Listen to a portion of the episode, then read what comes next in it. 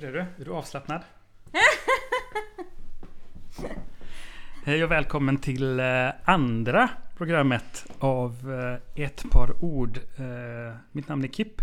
Och jag vill börja med att säga att jag är väldigt tacksam för de fantastiskt fina ord som, som sades på Facebook när jag delade med mig av det här första programmet med Piroy. Underbart att höra, det värmer, det värmer hjärtat och stärker själen. När jag satt och funderade på vem jag skulle vilja prata med till det andra programmet. Och när, vi, när jag funderade på vad vi skulle prata om så slog det mig att eh, den här personen som vi ska prata med idag har jag ofta pratat med om väldigt mycket. Eh, vi lärde känna varandra genom dansen och eh, på vägen till och på vägen från så har vi diskuterat alla aspekter av livet, skulle jag vilja säga. Mm. Eller hur Alexandra? Ja. Eh, Alexandra Andersson, eh, berätta, var växte du upp någonstans? Jag eh, kommer från Tvååker som är ett eh, litet samhälle utanför Varberg. Eh, och där har jag bott och levt fram tills jag flyttade hemifrån i, efter gymnasiet och då flyttade vi inte till Varberg, inte till stan. För sju år sedan ungefär tror jag så flyttade jag till Göteborg och jag trivs helt fantastiskt i Göteborg. Det är mitt nya hem. Vad är ditt första minne? Ett minne jag har, ett tidigt minne, det är att eh, jag är hemma i Tvååker. Jag kanske är i tre, fyra års åldern. Eh, och jag har sovit middag. Eh, det är lördagkväll. Och ni vet den här speciella känslan man har på lördagar. Det är alltid lite extra härligt. Alla i familjen är hemma och det är mysigt. Eh, och jag kommer upp så här varmmosig går in i köket och så står mamma och lagar lite god mat till kvällen. Och det är så här mysig stämning och mamma lyfter upp mig på bänken in till spisen. Och så säger hon Ja Alexandra titta i skåpet där. Så är det ett skåp ovanför mig. Så öppnar jag och så är det tre tablettaskar. En till min, mig och eh, mina syskon. Som sitter inne i tv-rummet och kollar på Disney-dags eller något. Och det är bara ett, ett lyckligt minne. Att det är så här... Um, Familjärt? ja, verkligen. Hur ser din familj ut? Eh, Min familj består av mamma Birgitta och pappa Martin. Och så har jag två systrar, äldre systrar. Sofia och Elinor. Som är sex och fem år äldre än mig. Okej. Mm. Är du en liten sladdis? Jag är en liten sladdis. Vad innebär det? Vad har det, vad har det inneburit för dig att vara en liten sladdis? Jag kan inte minnas att det är så att jag har blivit mer bortskämd. Inte? Nej, men det kanske mina systrar skulle säga. Att jag har blivit. Eh, nej, ingen aning. Du har pluggat till tapetserare. Mm. Vad är tapetserare? Vad gör en tapetserare? Jag brukar säga när folk frågar så brukar jag säga möbeltapetserare fast det heter tapetserare. Eh, ett ord de kanske ska ändra någon gång men just för att förtydliga vad det är. Möbeltapetserare. Eh, jag stoppar och klär om möbler, knyter resårer och restaurerar allt förutom träet. Det skickar jag till snickare. Är det något du alltid velat göra? Nej.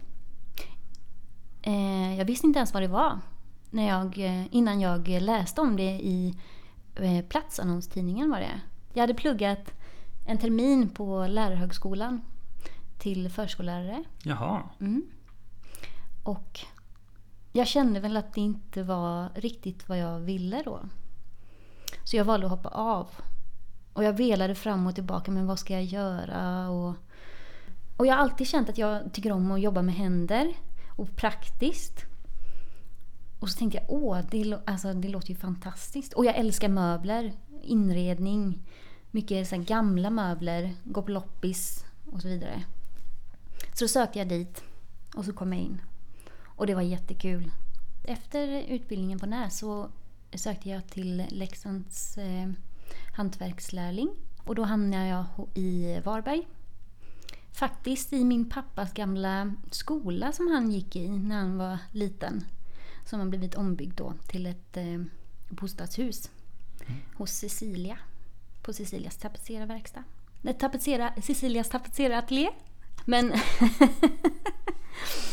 eh, Efter att jag... Eh, det hände mycket i mitt liv. Av olika anledningar var jag tvungen att sluta hos Cecilia. Det blev inte tillräckligt med jobb i lilla Varberg för att vara två tapetserare på samma ställe just då. Nu går det jättebra för henne. Eh, men min motivation och lust till mitt yrke. Jag kände mig dålig för att jag inte satte igång direkt så här som att jag, att jag hela tiden var när jag pratade om det så här, ja nu är jag snart klar och det ska bli så kul. Och du hade en bild av hur du satt i verkstaden och jobbade och skapade och, Ja precis. och drack kaffe och kanske bjöd in någon. Och Mm, det var det mest underbara i hela livet. mm. Och så gjorde du inte det. Nej. Eh, Det finns några saker som just nu ger mig lust i livet. Mm. En av dem är dans. Mm. Eh, Du och jag dansar ju eh, lindy hop. Ja. Och har precis börjat dansa en ny dans, balboa. Mm. Som fritidsverksamhet. Alltså jag har i alla fall inte, och du säkert inte heller, som ambition att vi ska bli professionella dansare och uppträda. Jo jag då. gör det. Jaså? Jag ska bli bäst i världen. Nej, jag skojar. Jag gör det som en, som en kul grej. Ja. Och eh, när jag flyttade till Göteborg så började jag med det igen efter ett långt, långt uppehåll. Mm. Det är så jävla roligt. Mm, det är fantastiskt. Och den andra saken jag har eh, som också är väldigt lustfylld är improteatern som jag håller på med. Eh, och jag skulle vilja känna kring de två grejerna med så mycket mer i livet. Mm. Den här självklara lusten Mm. att göra det för att det är något inom mig som eh, lever upp. Någonting inom mig som börjar bubbla eller som börjar glöda och sen brinna. Mm.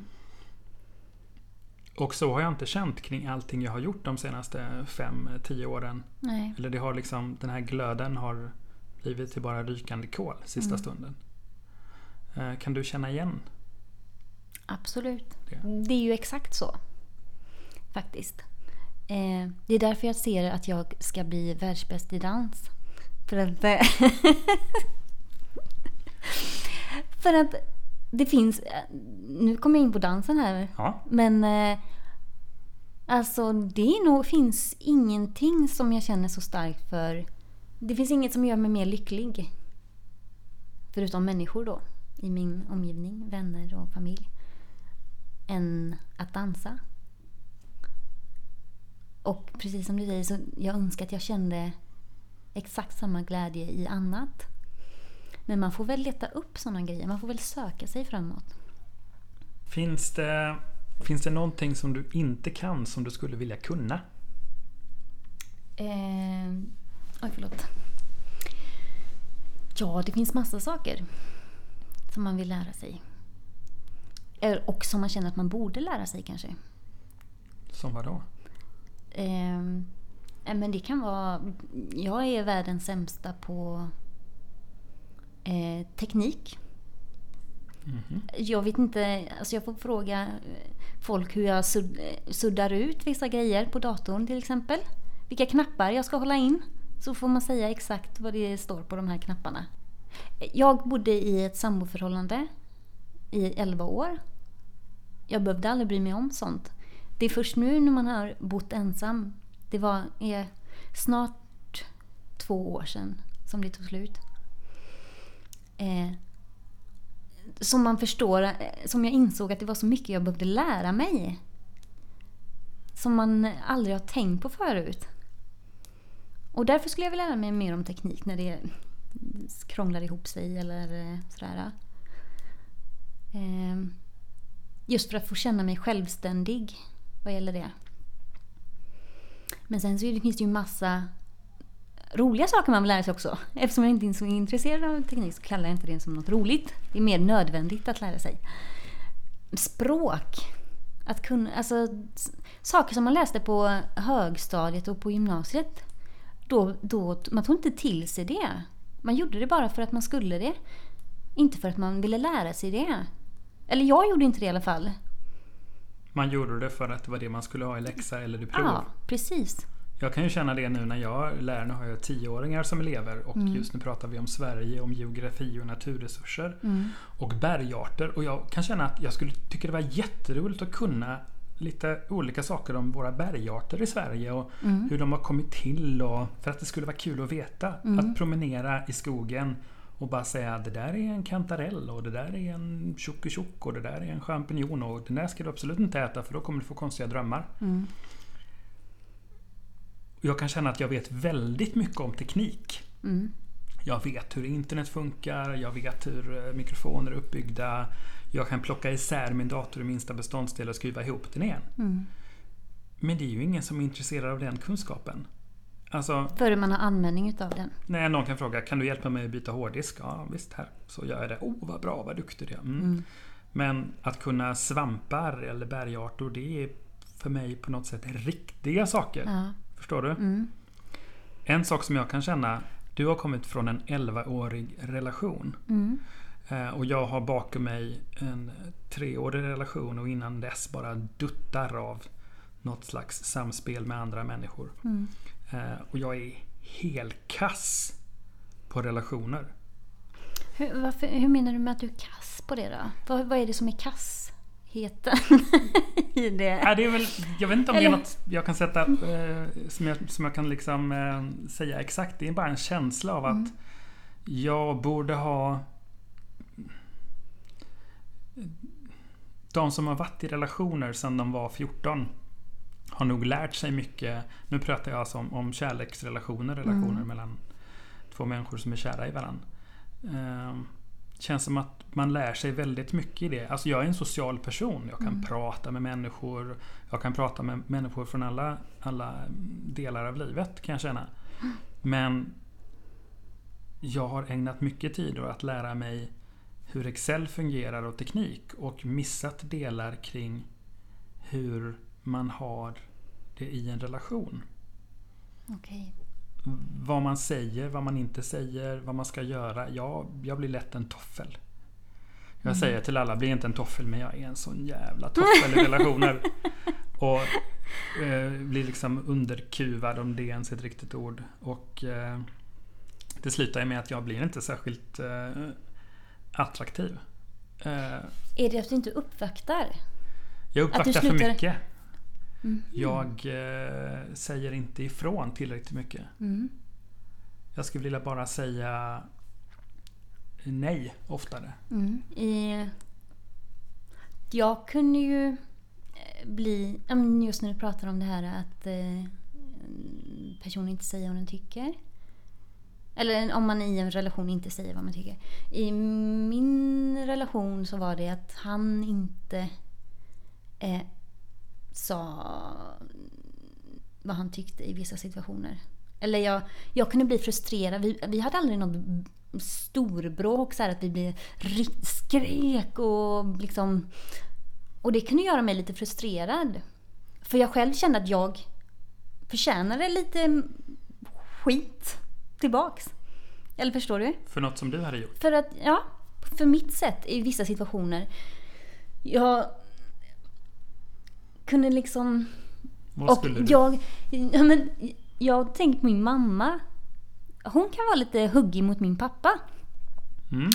Eh, och det ser... Men i, I vissa situationer har jag känt mig som henne. Och min mamma är underbar förresten. Men hon har, kan ha ett sätt att hon kan vara väldigt rakt fram. Och i de här situationerna i min egen relation, då har jag efteråt kunnat känna, men herregud, nu var jag precis som min mamma. Och då blir jag så här säger jag till min partner, men var, ge mig tillbaks! Säg, till, säg emot mig om du inte tycker att jag var schysst nu. Ehm, Bli arg. bli arg. Det hade varit så jäkla skönt om han någon gång hade kunnat så här, skrika åt mig. Hur fasen beter du dig? Vad fan gör du för någonting? Ja. Ehm, Men det är det jag kan känna. Jag har ju övat väldigt många år nu på att gå från att vara sur. För man kan gå runt och, man kan gå runt och sura och vara så här, ja men jag är inte nöjd med det där. Och så pyr det och så till slut blir det liksom lite gnabb av det. Men istället att, att bara kunna bli arg och säga Du! Jag tycker inte det här är okej. Eller det här gör mig otroligt förbannad. Eller nu är jag Nu är jag, jag blir ledsen och besviken på dig. Mm. Är det för att man är osäker i förhållandet som man inte vågar visa? För jag har ju varit den också liksom. Att man går runt och surar. Varför? Eller man, nej, man antar att den andra ska förstå ändå. För mig har det nog varit att eh, jag har eh, under mitt liv, eh, en stor del av mitt liv, varit mycket omhändertagande kring andra människor. Att det är mycket som har hänt i vår familj och i vår historia som har gjort att jag har blivit en starke som alltid ska ta hand om och även i svåra situationer vara den som står och håller emot Mm. när stormen bankar på dörren. Mm. Och då blir det också svårt att vara den som lägger sig ner och bara gråter. Och för den delen vara den som ställer krav. Mm. Och säger att jag accepterar inte det här eller jag tycker inte det här. Mm. Och det är inte som att min förra relation var en person som inte kunde ta saker för hon kunde ta saker. Mm. Och ändå så lyckades jag inte alltid säga det jag ville säga eller göra det jag ville göra i någon slags omhändertagande, någon slags tanke kring att ja, men hon är trött idag eller eh, ja, men det är inte rätt tillfälle och ja, men nu ska jag nog bara vara lite omhändertagande. Och eh, jag kan bara anta att det, precis som du, Mm. drev henne till vansinne vissa dagar. Mm. Som du sa. Men reagera för helvete. Mm. Nu är jag helt yoghurt på alla väggarna. Notera det och bli arg. Mm. Nu har jag dödat din papegoja. Jaha, ja, ja. ja det var ju, det var ju taskigt. Eller jag vet inte. Ja, ja. Han sjöng så mycket, sjöng så dåligt. Så. Dels beror det nog på vem man pratar med. Men du och jag har en vänskapsrelation. Mm. eh, Och en dansrelation. Mm. Och det kan nog göra att jag kan prata med dig på ett annat sätt. Också hur du är som person Mm. påverkar hur vi pratar. För en dialog kommer från, Två.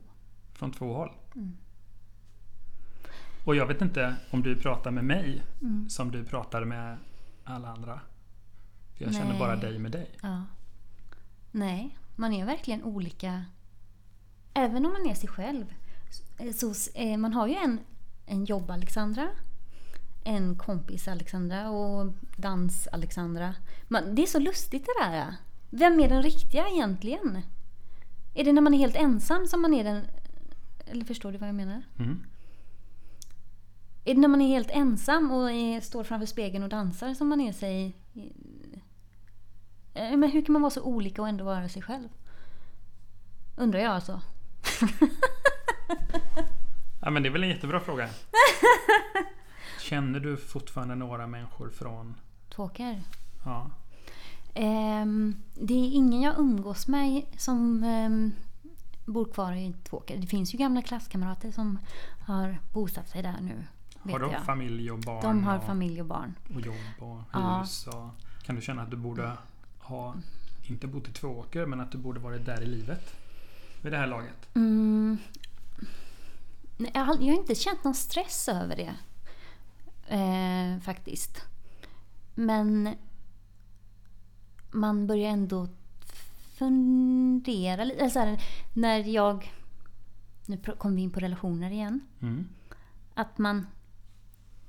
Nu... Jag har träffat en fantastisk kille Mm. som är...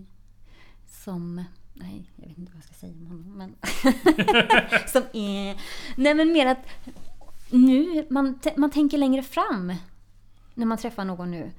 Vad gäller barn. och Alltså man föreställer sig ändå detta att det ska komma inom en snar framtid. Att man... Jag och han har inte diskuterat detta. Men det finns ändå i bakhuvudet någonstans. Och man, det är väl en fråga man måste ta upp.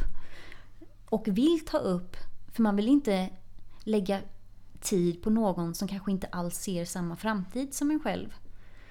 Eh, det här med barn och, ehm, och sånt, det har liksom alltid funnits. Men någon gång så kommer jag få barn, läng- mycket längre fram. Och nu börjar mina vänner få barn.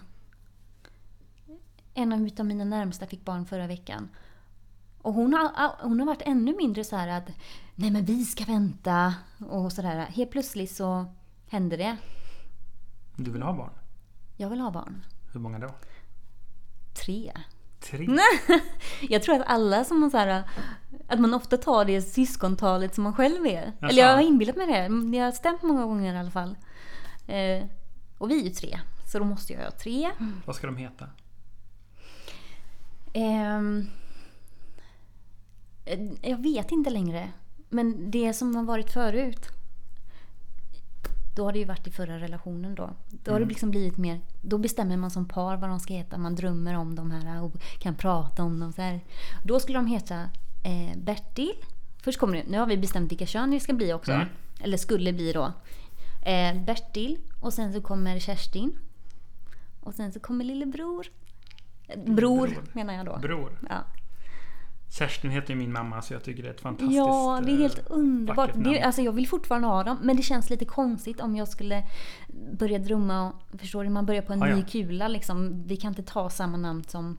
Även fast jag älskar de här namnen och gärna skulle vilja ha dem, så blir det liksom för eh, konstigt. Ja, de är tagna till någonting annat. De var liksom en dröm någon gång. Är Bertil från Karl-Bertils julafton? Eller är Bertil från... Vad kommer... Bertil är ett väldigt gammalt namn. Ja, eh, Bertil. Det kommer väl från min före dettas eh, pappa egentligen. Hans, eh, han hette Klas-Bertil. Ja, det är la gulligt. Jättefint. Men sen så älskar jag sådana gamla namn. Jag tror han heter Bertil i Kan du vissla Johanna och det är så gulligt. Bertil, Berra kallas han väl. Mm. Ja. Ja, jag har bara ett namn. Mm. Eh, och det är min dotter. Mm. Eh, vill jag ska heta Signe. Åh, vad fint! Från min mormor. Ja, det är helt fantastiskt. Jag tycker det är ett jättevackert namn. Mm, Signe. Ja, Så nu ska jag bara hitta en, eh, moder också. En moder, en kvinna, en tjej som eh, vill få en tjej. Finns det någon där ute? som- Söker kvinna som får tjejer som barn. Eh, ska vi se.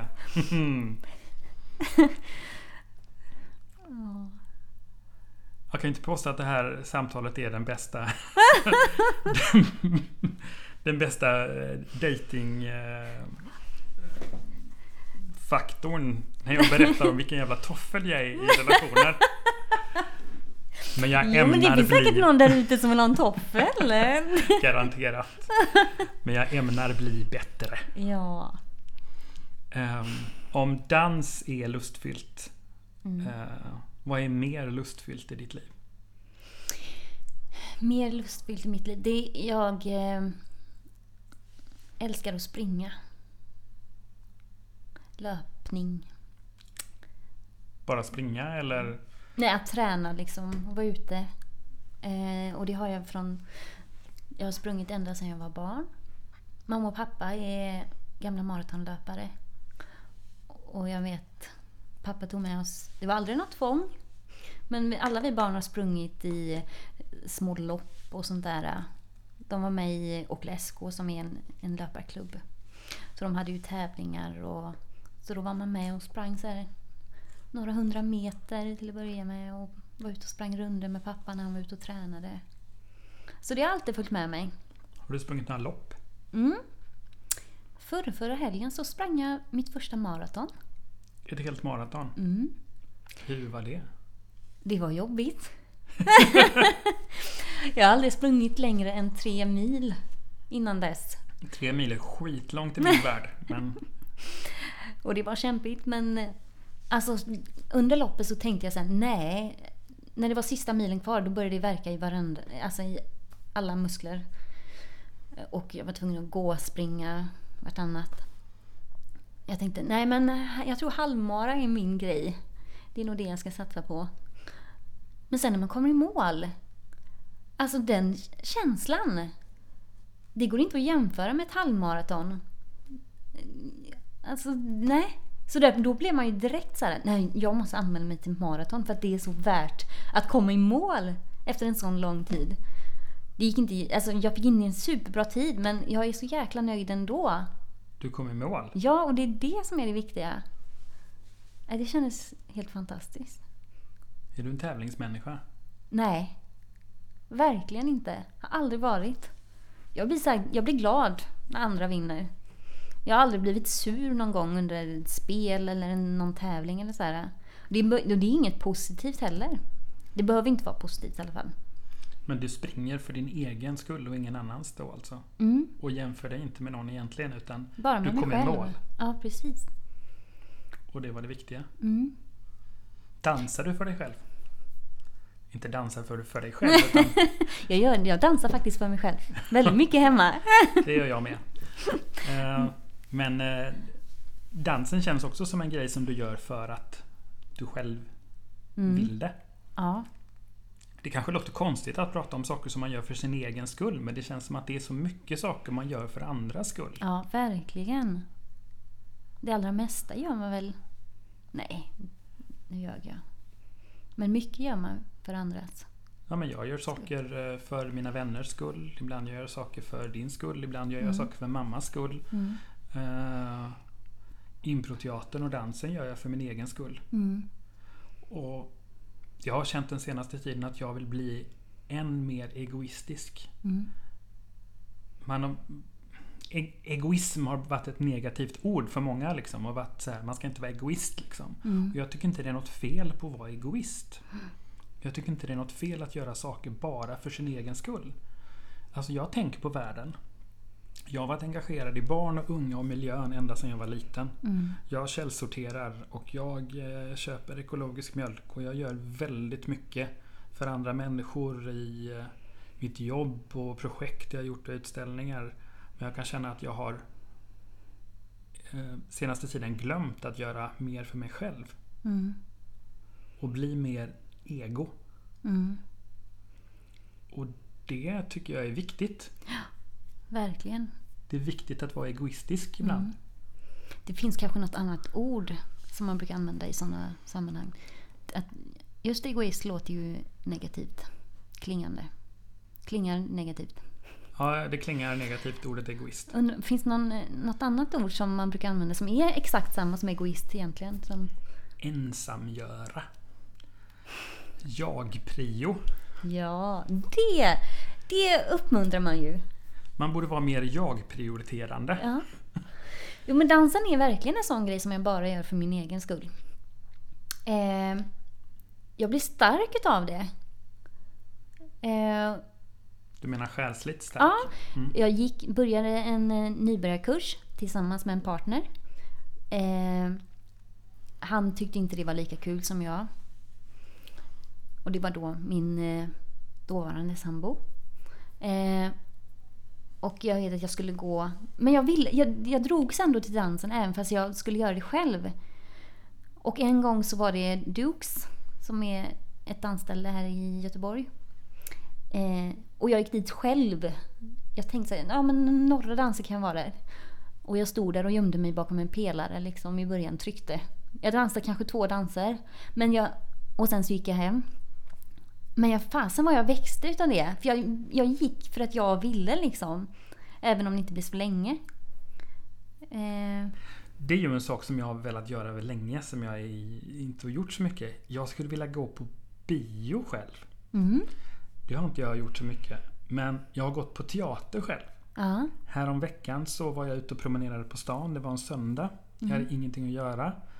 Eh, Så jag gick omkring och promenerade. Jag tror jag var inne hos en optiker och kollade nya glasögon och sådär. Och sen bara blev klockan fyra och jag funderade på vad ska jag göra nu? Kollade på vad som händer i Göteborg. Det finns för övrigt ingen bra sajt som berättar vad som händer i Göteborg. Men så såg jag att det var en... eh, Att... eh, Hair. Jag kan inte säga hair på engelska men hår. Hair. Musikalen Hair. Hair. Jag tycker man förstår vad du menar. Tack. Den musikalen hade premiär.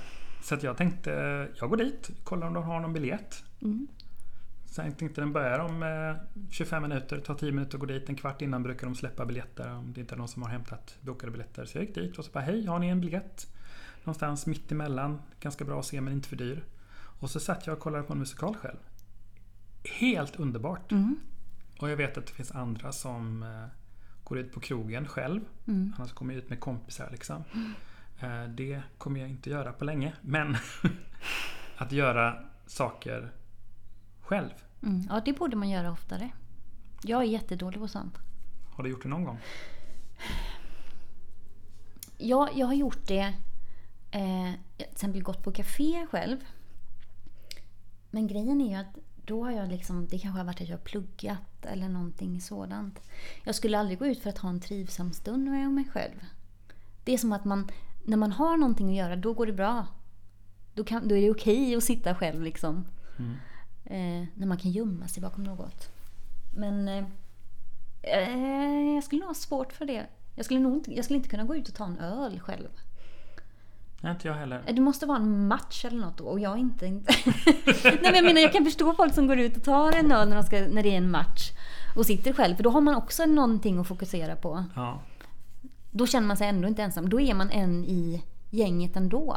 ja, men det är ju samma på teatern också. Ja, ja att man tillhör. Man är ändå Ja. ett sällskap på något sätt.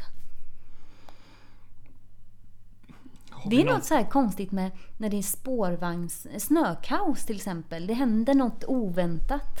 Man sitter fast där i, på spårvagnen. Då blir det också... När man, folk, då börjar folk prata med varandra.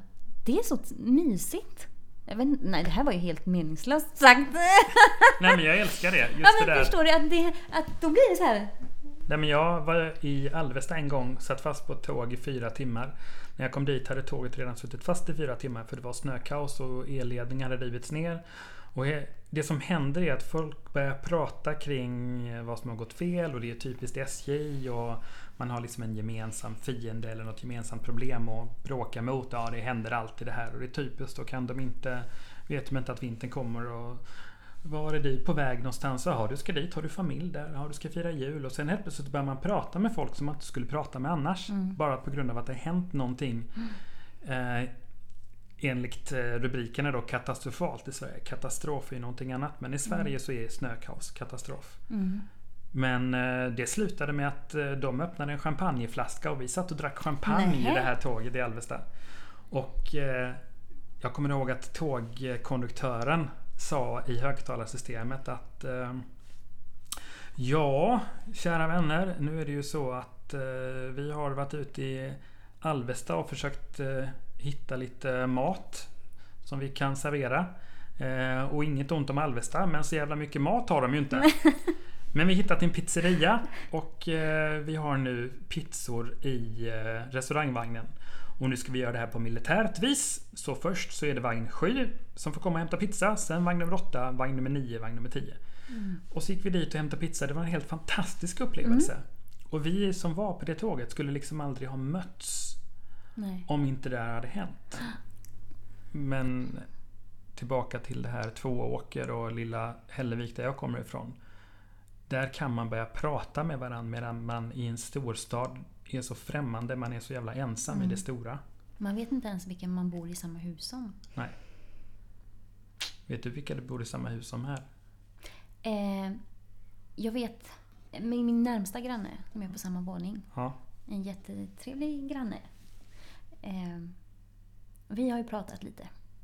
Och det känns så skönt på något sätt. Visst är det? Ja, att bara veta vem personen är och så här att det är någon slags trygghet. An, alltså andra, folk kommer ju och går så jag vet inte vilka som tillhör huset eller vad man ska säga. Nej. Förutom honom. Och det gjorde jag i Alby. Då man hejade på sina grannar och man kunde be sina grannar om hjälp. Och man skulle, Det var inte konstigt att gå ner och låna mjölk av någon. Det var inte som att det hände varje dag. Men jag kommer ihåg när jag var, eh, hade någon kompis på besök som bodde inne i stan i Stockholm. Eh, Och så gick en granne förbi och sa Hej, hur är läget? Jo, det är bra. Vad ska du göra ikväll? Ja, jag är på väg till det där. Ja, vad roligt. Liksom, så här. Och så sa kompisen Pratar du med dina grannar? Mm. Och jag bara Ja. Eller varför skulle jag inte göra det? Det var så främmande för dem. Ja. Att, och det, på tal om mig själv då, saker som jag skulle vilja göra mer, är just det här att prata med främlingar. Och jag skulle vilja göra det mer. Att bara prata med folk. Lite därför jag gör den här podcasten. Mm. Just nu har jag bara pratat än så länge med folk som jag känner, men jag skulle se fram emot att prata med folk jag inte känner. Mm. För att alla sitter någonstans inne med olika tankar, olika perspektiv, olika idéer, olika tycken och smak.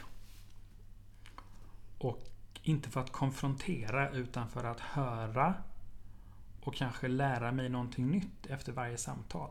Mm. Det är lite grann mitt mål med den här. Hur har det varit för dig det här? Jo men det har varit trevligt. Det var trevligt att ha dig här.